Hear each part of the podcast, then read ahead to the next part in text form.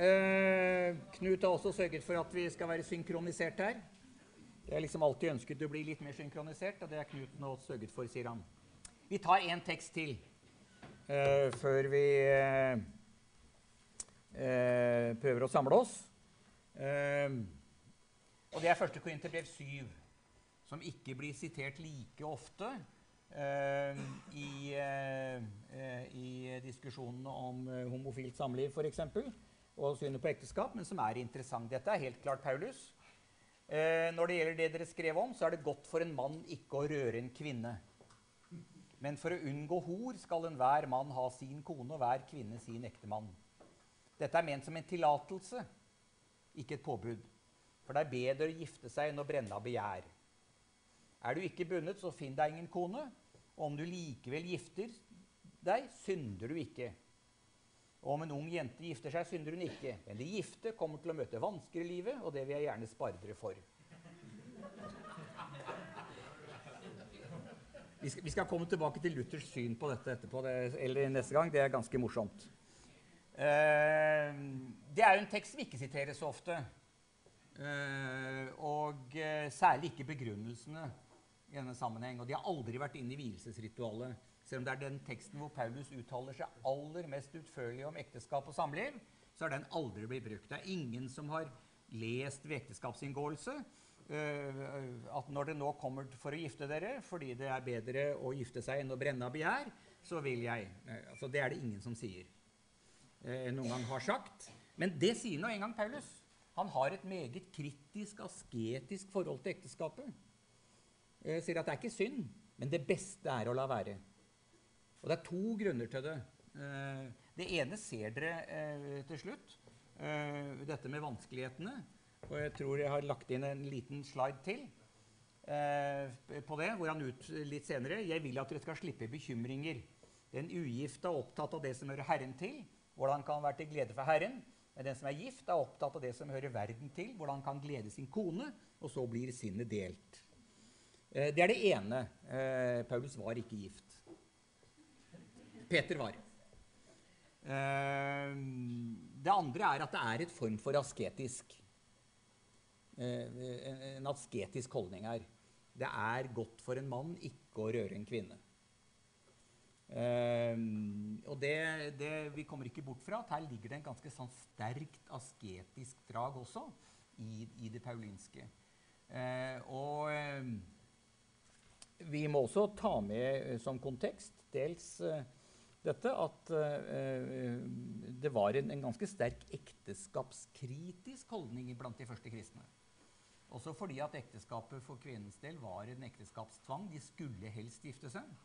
Eh, slik at eh, mens det var en ganske kritisk holdning til, til, til, ekteskapet, og denne ekteskapstvangen ble ikke praktisert i kristne sammenhenger. Så det har noe med det å gjøre. Det har også noe å gjøre med eh, at eh, eh det fins noen Jesu ord om ekteskapet. De skal vi ikke gå inn på eh, i detalj. Det har vi ikke tid til.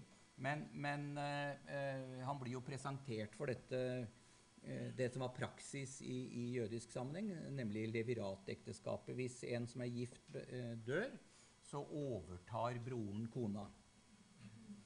Det henger med sammen med sosial sikkerhet. Eh, velferdsstaten var ikke helt innført ennå, for å si det forsiktig. Så det har også noe med et nettverk Det var en plikt han hadde til å ta ansvar for og ta vare for. Og I gammeltestamentlig tid så var det ikke noe problem å ha flere koner nødvendigvis, og det gikk greit. Og så ble Jesus presentert for det eh, problemet. Dette skjedde syv ganger. Det var syv brødre, og de døde i tur og orden. Så når kona døde, så hadde hun da vært gift med syv forskjellige menn. På ordentlig og legalt vis. Hvem skal hun da være gift med i himmelen? Og så Jesus, Det er ikke noe ekteskap i himmelen. Der gis man ikke til ekte. Kvinner blir ikke gitt til menn. Og menn tar ikke kvinner til ekte. Og Det er en ganske sterk ekteskapskritisk Ekteskap er greit, men det hører denne verden til. Eh, så når eh, Kirkemøtet i, i fjor formulerte som sånn parole for denne perioden 'mer himmel på jord', så må det bety mindre ekteskap på jord. For det er ikke noe ekteskap i himmelen. Men det betyr at det er en ganske markert ekteskapskritisk holdning eh, som har mange grunner. Eh, eh som også har et, eh, et, Det ligger en sprengkraftig kvinnesyn i det, men som også har dette litt asketiske draget. Som vi er nødt til å forholde oss til. Hvordan forholder vi oss til denne teksten? Eller hvordan forholder Kirken seg til det? Eh, vi var borte i Timotus-brevet. Og hvis vi nå skal rykke inn og si fins det da noen norm, noe som styrer vår omgang med disse tekstene i en kristen sammenheng, så eh, ser dere at til slutt så viser Timotius brev det er i overensstemmelse med, eller samsvar med evangeliet. Og det er selvfølgelig et stikkord som vi kan eh, ta tak i, og det av flere grunner.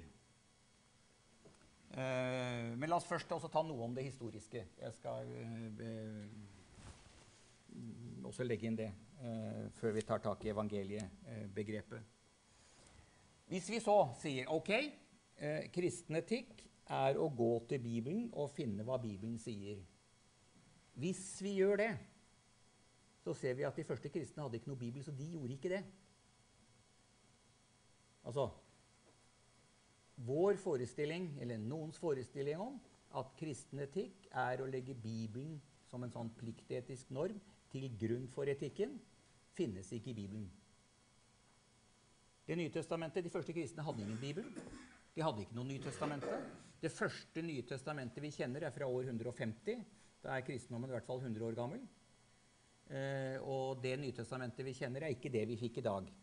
Eller har i dag, eller fikk på 300-tallet. Så den, det Nye testamentet som vi sitter med i dag, det, det, var Kirken i hvert fall foruten i 300 år. Så den kunne ikke legges til grunn.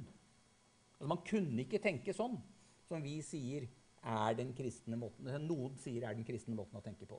Av helt elementære historiske grunner. Dessuten så eh, vil jeg også si det sånn Bibelen finnes ikke. Eh, den gjør faktisk ikke det. Vi har ikke én eneste original tekst til Bibelen. Det, det, vi har, er tekster, senere avskrifter, som vi har brukt til å rekonstruere det vi mener er originalen. Til alle brevene og evangeliene. Men vi har dem ikke. Originalene har vi ikke. Det vi sitter med, er en vitenskapelig rekonstruksjon. Vi kan godt si at den er ganske pålitelig. Selv om de av dere som, som tar et gresk Nytestamente, eh, vil se at under eh, teksten så er halvparten av siden et noteapparat hvor man viser til håndskrifter. Der står det det, der står det det. Vi mener at dette er den riktige versjonen. Så Sånn sett så har vi altså ikke ett originalt Og det, med det mener jeg Bibelen fins ikke. Sånn sett fins den ikke. Det vi har, er en vitenskapelig rekonstruksjon av Det nye testamentet og eh, av Det gamle testamentet har vi mm, enda større vanskeligheter, eh, for å si det veldig forsiktig. Eh, og så vil jeg også formulere det én runde til å si at Bibelen har aldri eksistert i denne betydningen. Det har aldri eksistert en bok med alle originale manuskripter mellom to permer. Altså, sånn, sånn, det, det har aldri vært har aldri eksistert. Så Sånn sett så må vi ta det historisk inn over oss. At hva vi tenker om Bibelen, må korrespondere litt med den historiske kunnskapen vår om Bibelen. Vi står overfor en kirke som i flere hundre år hadde forskjellige tekster som de la vekt på. Noen kjente Markusevangeliet, noen kjente Lukasevangeliet. Noen hadde de Paulusbrevene, noen hadde andre Paulusbrev. De var i avskrift. Disse avskriftene korresponderte ikke alltid. Langsomt samlet Kirken seg om hvilke tekster som skulle være de grunnleggende, eh, og hvilke, kanskje også hvilke avskrifter som skulle være de, de riktige. Men det er en lang prosess. Og sånn sett, så når vi kom på 300-tallet, så fins det ikke en eneste original lenger. Det betyr ikke nødvendigvis at, uh, at dette, sånn som vi nå rekonstruerer det, uh, ikke er rimelig pålitelig som tekster, men det er altså det vi har gjort. Men hvis nå de kristne, første kristne ikke hadde noen bibel, De kjente til de gammeltestamentlige skriftene, som også var et litt stort konglomerat av bøker. Ikke klart avgrenset. Hva orienterte de seg da ut fra? Altså, Hva gjorde de da?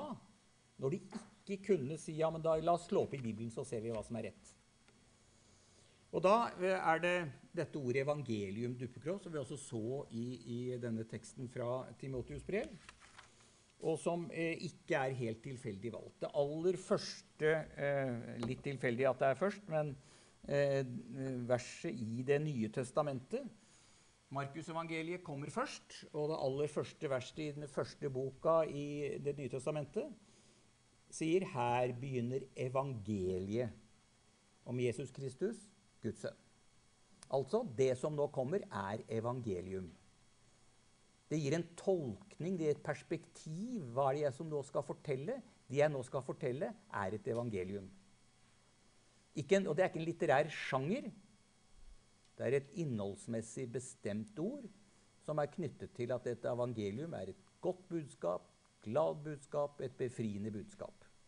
Her kommer evangeliet. Det styrer allerede lesningen av alt som så følger i Markusevangeliet. Og det er ikke noe originalt for Markus. Eh, hvis vi går til Romerbrevet, et av Paulus' mest sentrale brev, eh, så han, tar han det samme utgangspunktet.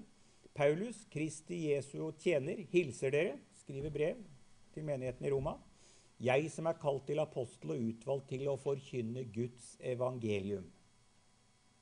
Om Hans Sønn, Jesus Kristus, vår Herre. Altså igjen det samme fokus. Det som jeg har på hjertet, er primært evangelium. Det er evangeliet.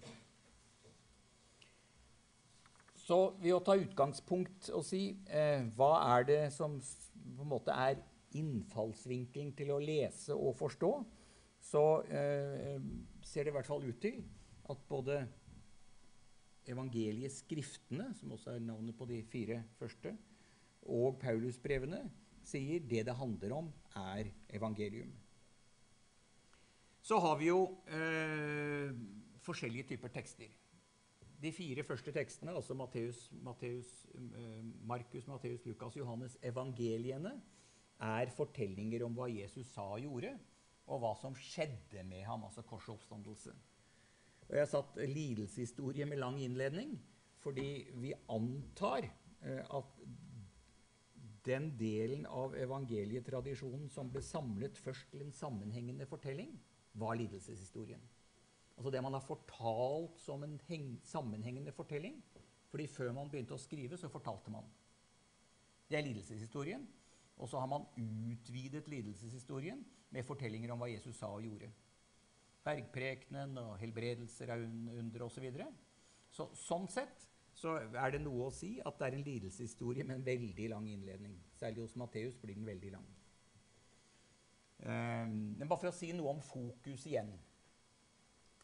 Paulus, som jo bruker akkurat det samme ordet, evangeliet, han har ingen fortellinger om Jesus. Det finnes ikke engang et Jesus-ord, så vidt vi kan se hos Paulus. Vi kan, eh, de som er gode på dette, se at kanskje ligger det her og der under et og annet Jesus-ord. Men Paulus siterer ikke et eneste evangelieord. Så det, det er relativt interessant. Evangeliet om Jesus Kristus står akkurat like sentralt hos Paulus som det gjør i Markus-evangeliet. Markus forteller fortellingene, forteller hva Jesus sa og gjorde. Det står det ingenting om hos Paulus. Paulus er kun konsentrert om det som er fortellingen om Jesu korsoppstandelse. Det sier han noe om, kort særlig i første Korinterbrev. Så vi ser at det er stått sentralt.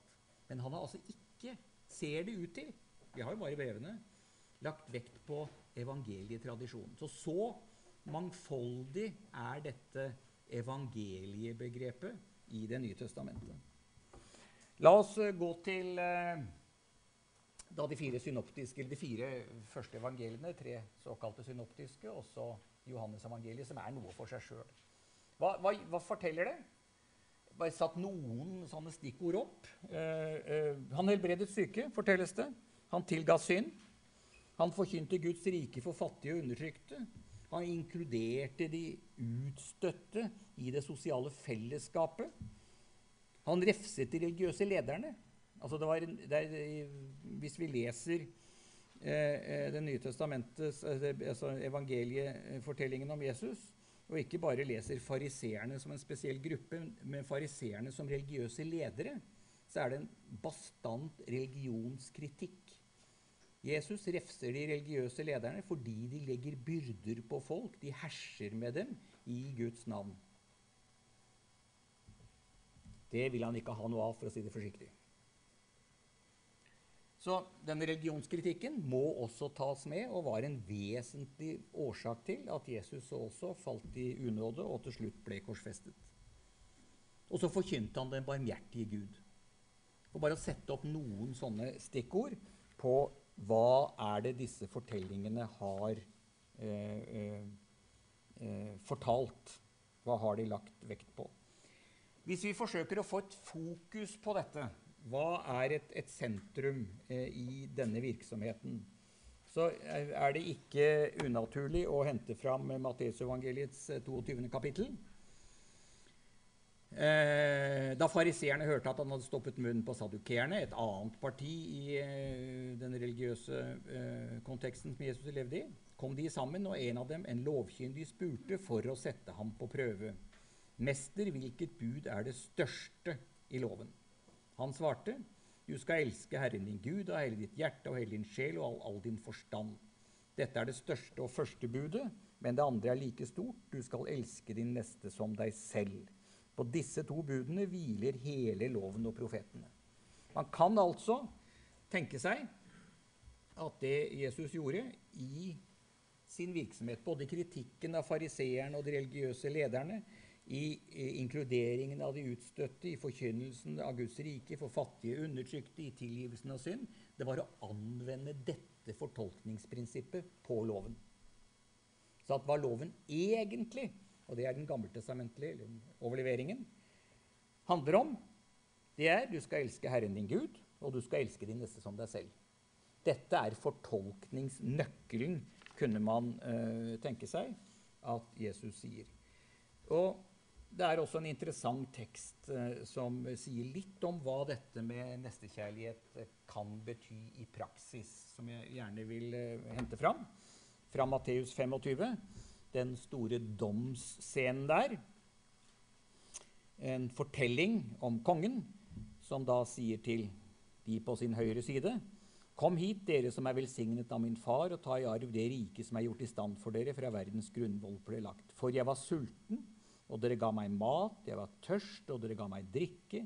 Jeg var fremmed, og dere tok imot meg. Jeg var naken, og dere kledde meg.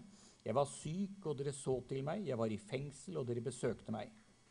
Da skal de rettferdige svare, Herre, når så vi deg sulten, og ga deg mat, eller tørst og ga deg drikke? Når så vi deg fremmed og tok imot deg, eller naken og kledde deg? Når så vi deg syk i fengsel og kom til deg? Og kongen svarte dem, sannelig, jeg sier dere, det dere gjorde mot en av disse mine minste søsken, har dere gjort mot meg.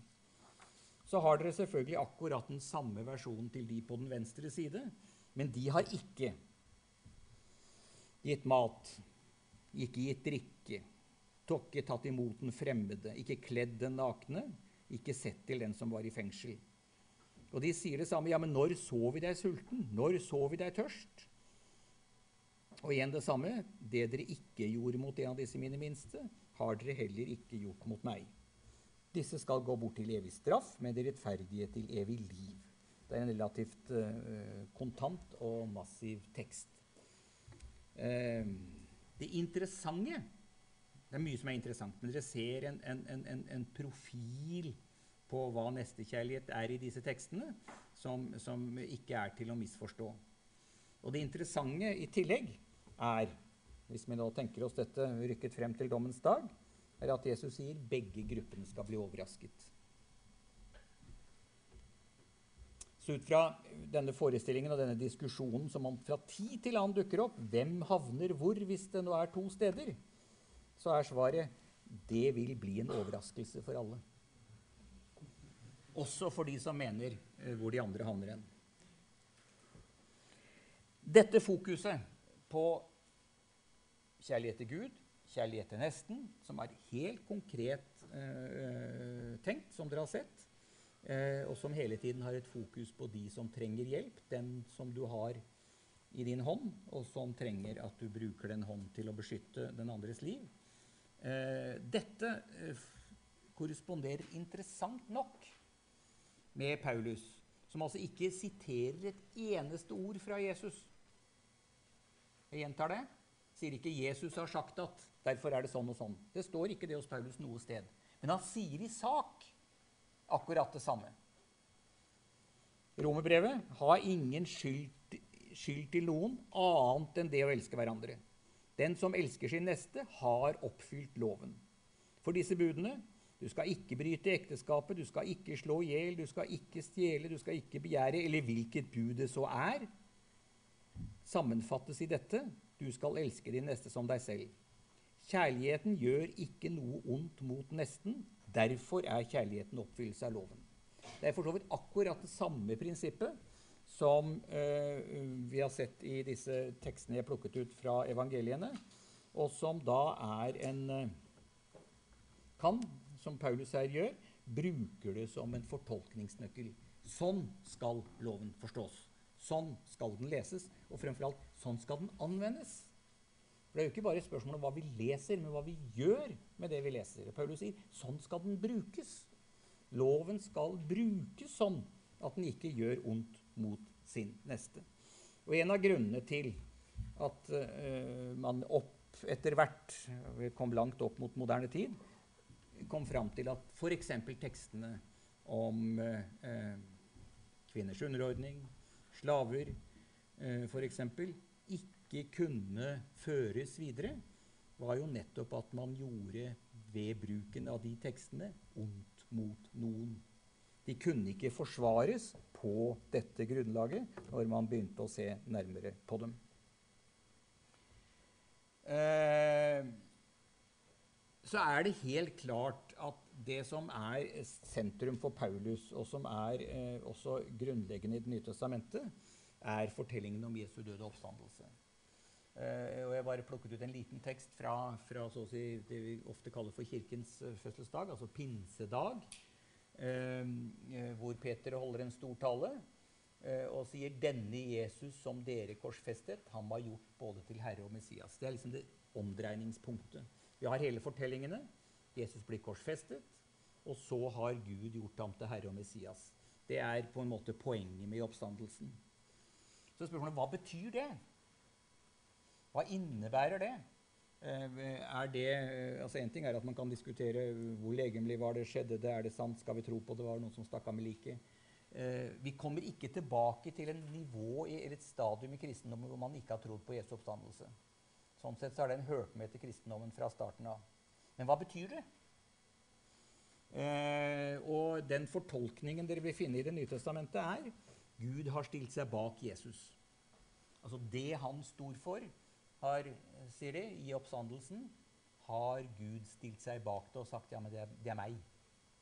Dette står jeg for. I Jesus ser vi Guds ansikt. Det er eh, den paulinske tanken. Eh, at det som Jesus sa og gjorde, det vedkjente Gud seg som sitt. Og så en siste tekst, for å, for vi så skal sammenfatte noe av dette eh, litt. Og den er hentet fra eh, Filippi-brevet 2. Eh, det som kalles hymnen der. Eh, La samme sinnelag være i dere som også var i Kristus Jesus. Han var i Guds skikkelse, så det ikke som et rov å være Gud lik, men gav avkall på sitt eget. Tok på seg en tjenerskikkelse, ble menneskelik. Da han sto fram som menneske, fornedret han seg selv, ble lydig til døden, ja, døden på korset. Derfor har også Gud opphøyd ham til den høyeste og gitt ham navn over alle navn.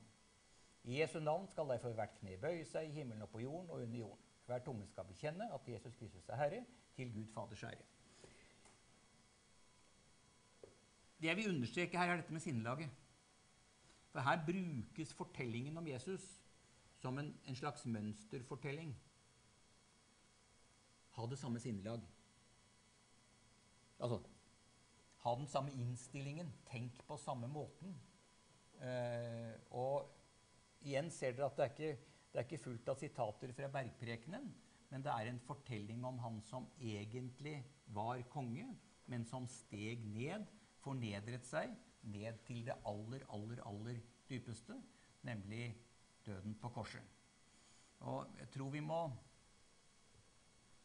ta med at i denne kontekst er det ikke bare det at Jesus døde eller ble henrettet, men det å bli korsfestet var i, på den tid en forbannelse. Altså var man sikker på Eller når, man, når, du ble korsfestet, for å si det sånn, eller når noen ble korsfestet, så man, eh, kan man være sikker på at det er en person som Gud har forlatt, og han er forbannet. Dette er et viktig problem for Paulus. Når han sier ja, men Gud har vedkjent seg den for kors, korsfestede, så har han altså vedkjent seg en som ble forbannet. Galaterbrevet strever Paulus med det problemet. Men uh, kommer til løsningen. Han har tatt vår forbannelse på seg. Men det er denne prosessen. Var konge, ydmyket seg, gikk ned i det dypeste mørket, og derfor ble han oppreist. Det sinnelaget eh, er det Filippe-brevet sier. Det bør være også i dere.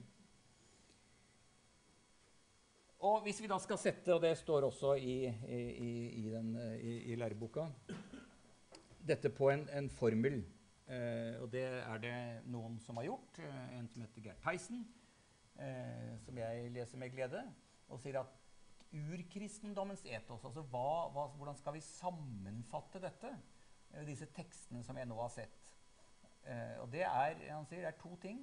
Det er en grenseoverskridende nestekjærlighet. Urkristendommen eh, var eh, preget av og hadde selv som eh, også et form for ideal en form for grenseoverskridende nestekjærlighet. Som altså ikke bare gjaldt eh, venn og slektninger, men, men også eh, de utenfor, fiendene, motstanderne.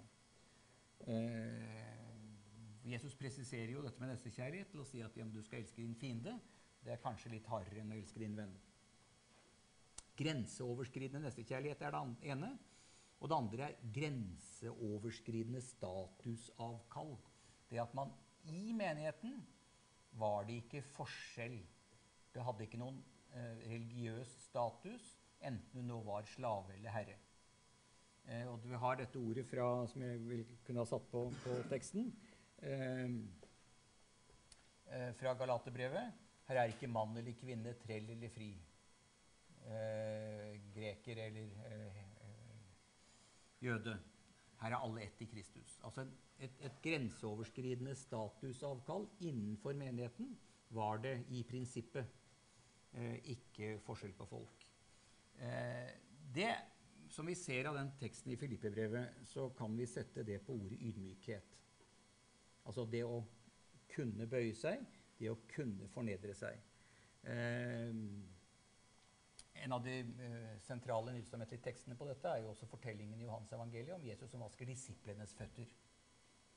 Han er Herren, men han er da den som går inn i tjenerens rolle.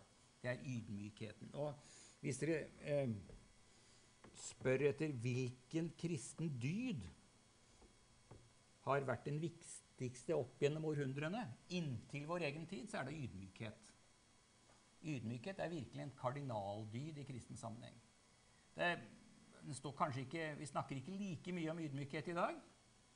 Eh, og det hentes kanskje ikke fram som, som, det kristne grunnprinsippet, men det er det altså i Det nye testamentet. Så hvis vi skulle holde oss til Det nye testamentet, så er ydmykhet en helt sentral dyd. For her er vi altså også inne i verken plikt eller konsekvensetikk, men i det vi kan kalle dydsetikk. En måte å være på, en opptatthet av hvem vil jeg være, og hva er nå engang grunnlaget for mitt liv. Dette innebærer også at når Paulus eh, eh, som altså legger all vekt på Jesu død og oppstandelse, at Gud gjør seg til ett med Kristus i oppstandelsen, gjør hans ansikt til sitt ansikt, Og vi har fortellingene om, om pinsedag og ånden som kommer over kirken. Og det kan virke ganske fremmed og ganske fjernt eh, for mange. Og spør hva har det av praktiske konsekvenser. Så har vi altså ydmykheten.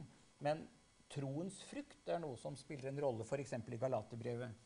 Og det Paulus der ramser opp, er relativt allment. Det er kjærlighet, glede, fred, overbærenhet, vennlighet, godhet, trofasthet, ydmykhet, selvbeherskelse. Altså konsekvensene som Paulus her henter ut, er på det nivået ganske allmenne. Vi kan si at forestillingskomplekset kan være eh, spesifikt kristent, fremmed, eh, ikke lett å kjenne seg igjen i, eller hva dere vil. Men den etikken Paulus henter ut av det, er relativt allmenn. Og egentlig ikke veldig sensasjonell. Selv om uh, ydmykhet, kanskje trofasthet, ikke står all verdens sentralt alltid. Uh, så overbærenhet trivielt i og for seg, men det hentes altså frem som en konsekvens av troen. Så mens vi er kanskje veldig opptatt av, eh, av forskjellige grunner, av, av eh, ekteskap eller eh, homoseksualitet eller homofili, så spiller ikke det noen rolle her. Overbærenhet derimot, det er viktig, selvfølgelig. Så det er viktig å se denne sammenhengen mellom både det som er grensesprengende, grensesprengende nestekjærlighet, og ydmykhet, statusavkall, og dette helt trivielle hva betyr det i praksis? Ingenting. Det var den første serien med slides. Eh, og det jeg har tenkt å si eh, om Det nye testamentet. Så skal vi se om vi kommer oss litt grann, eh, videre. Would you like to stop recording? Nei, vi vil ikke det da, kanskje. Jeg har en liten en til som vi kan begynne litt på. For å ta dette videre. Men vi kan uh, også uh, Nei, det er kunstregion. Åssen ser den ut, tro? Hvordan ser den ut? Nei, det var den vi hadde oppe, var ikke det? Vi kan ta den på nytt. Vi kan ta den en gang til. Repetisjon er sånn Repetisjon. eh, Men vi kan jo også stoppe. Ja. Det var ikke den heller. Spørre om eh, det var noen spørsmål eller kommentarer til dette før vi går videre. Er Paulusbrevene er de yngste? Nei, Paulusbrevene, noen av Paulusbrevene er antageligvis de eldste delene vi har av det nye. Ja. Eh, ikke alle brev som, eh, sier, eh, som gir seg ut for å være Paulusbrev, anser vi som ekte Paulusbrev. Eh, det ble nok en praksis i tiden etter hvert å så å si tale i Paulus' navn. Men de såkalte ekte Paulusbrevene er tidlige, er tidlige skrifter, og antageligvis, eh, eller helt sikkert eldre enn evangelieskriftene. Ja, helt klart. Eh, og Det henger jo sammen med at evangelien var først og fremst muntlige fortellinger som han etter hvert skrev ned. Men Paulus skrev jo brev.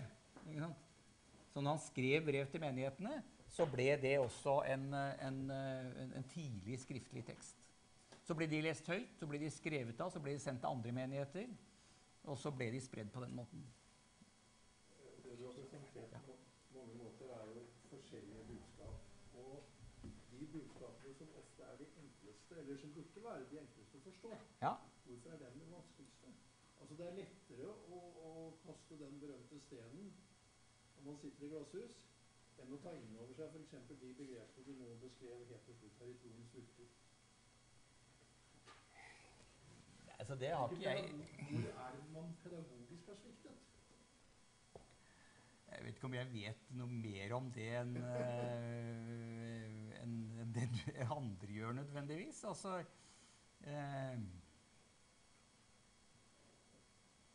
Det er jo på en måte veldig eh, banale ting som Paulus setter opp i, i, i disse eh, troens frukter. Men eh, Og det er, det er lett å si, og jeg kan si at det er banalt. Men eh, både overbærenhet og ydmykhet er i og for seg kan vel de fleste av oss oppleve som litt utfordrende. For å si det forsiktig. Altså, det er ikke så lett å anvende det på seg sjøl i praksis. Altså, jeg kan godt si at den kristne dyden er ydmykhet, folkens. Men eh, jeg vil ikke nødvendigvis si at uh, Se på meg, så ser dere hvordan det er å være ydmyk. Det er eneste jeg roser meg av, er ydmykheten min. Ja. Ja, det, er, det, er, noe med den selvappliseringen som, som, ikke bare går på å gjøre ting, men på å være. Og, og det er forskjellen på, på, plikt og konsekvensetikk. er begge fokusert på hva skal jeg gjøre? Hva skal jeg gjøre? Og så skal jeg handle i en gitt situasjon, og så skal den handlingen så å si slå ut eh, som riktig eller gal. Mens dydsetikken og den etikken som preget eh, vestlig kultur helt opp til 1800-tallet, eh, den har et helt annet fokus på hvem, hvem vil du være? Hvem er du? Uh, og det er jo et, et spørsmål som uh, uh, hva skal vi si, rammer meg litt dypere. Jeg, jeg kan godt gjøre riktige ting uten at jeg nødvendigvis er god. Altså, vi, dere, dere, kan jo fortellingen om barmhjertig samaritanen. ikke sant? Den fyren som, som var på, på, på, reise fra Jerusalem til Jeriko, som ble tatt av røvere og slått og robbet og lå til slutt sånn i, veikanten. Eh, halvt ihjelslått og robbet. Og så kommer først en prest forbi og har det travelt, så han fortsetter. Og en levitt kommer forbi, som også er en form for prest. og har det travelt, Så kommer en samaritan, som er den fremmede. Det er viktig. Samaritanene var ikke regnet som ekte, ordentlige jøder. Så det ligger en provokasjon i den fortellingen. Og så, så kom det en samaritan. Og han, vet du Han gjorde det han skulle. La oss nå si at denne samaritanen som her fikk medfølelse, står det i teksten, med mannen. Han syns faktisk synd på ham. Det er et kjempeviktig aspekt i Det nye testamentet, denne medfølelsen. Men la oss nå si at han ikke først og fremst fikk medfølelse. Men eh, la oss f.eks. si at han, eh, han var på, kommet på slutten av livet og hadde sett at han hadde vært en relativt brutal eh, landeier som hadde tynt de ansatte og, og sånn. Og så tenkte han hm, så kommer dommens dag. Har jeg noen gode gjerninger å vise til? Litt lite. Her har vi en vi kan ta oss av. Opp på eselet, bort på herberget. Dette noterer jeg i protokollen. God gjerning. Dette kan jeg påberope meg. Er han da god? Han er bare opptatt av seg sjøl fortsatt. Men han gjør noe riktig. Altså, vi kommer ikke bort fra at for han stakkaren som går i veikanten, så er på en måte motivet likegyldig. Bare noen stabler han opp og får han på eselet og får han tatt hånd om, så blir han berget. Motivet er ikke så viktig. Og det er enklere å ha et fokus på handlinger under den synsvinkel eh, enn det er å få dette spørsmålet ja, men er du egentlig medfølende. Det er vanskeligere, mer utfordrende. og Kanskje er jeg jo ikke så medfølende som jeg burde være, for å si det sånn. Ja, og for han sitter med hånda i nesten en dobbelttime. Ja.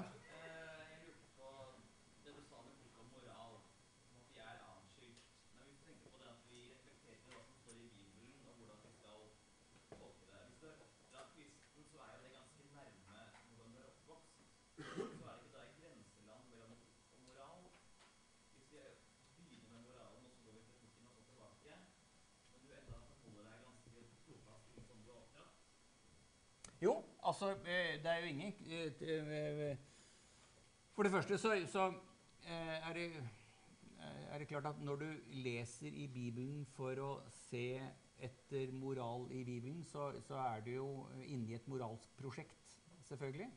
Eh, nå har du også blitt sosialisert av dine foreldre inn i det lenge før du kunne lese. Så lenge før du er i stand til å slå opp i Bibelen og begynne å lese, så har du klare forestillinger om hva de mener er kristen moral. For det har de lært det.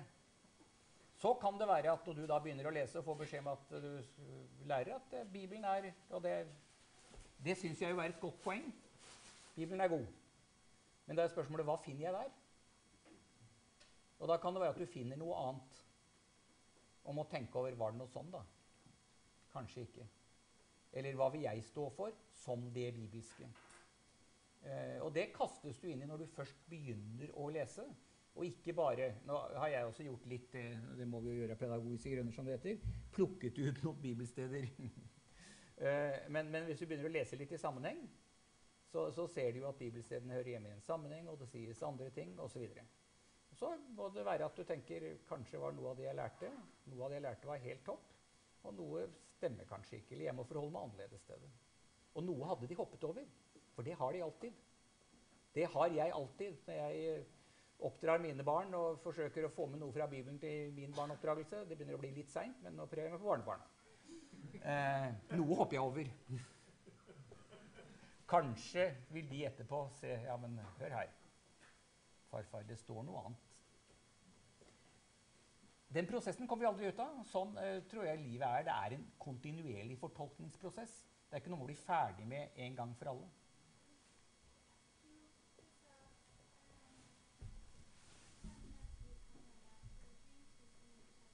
Ja.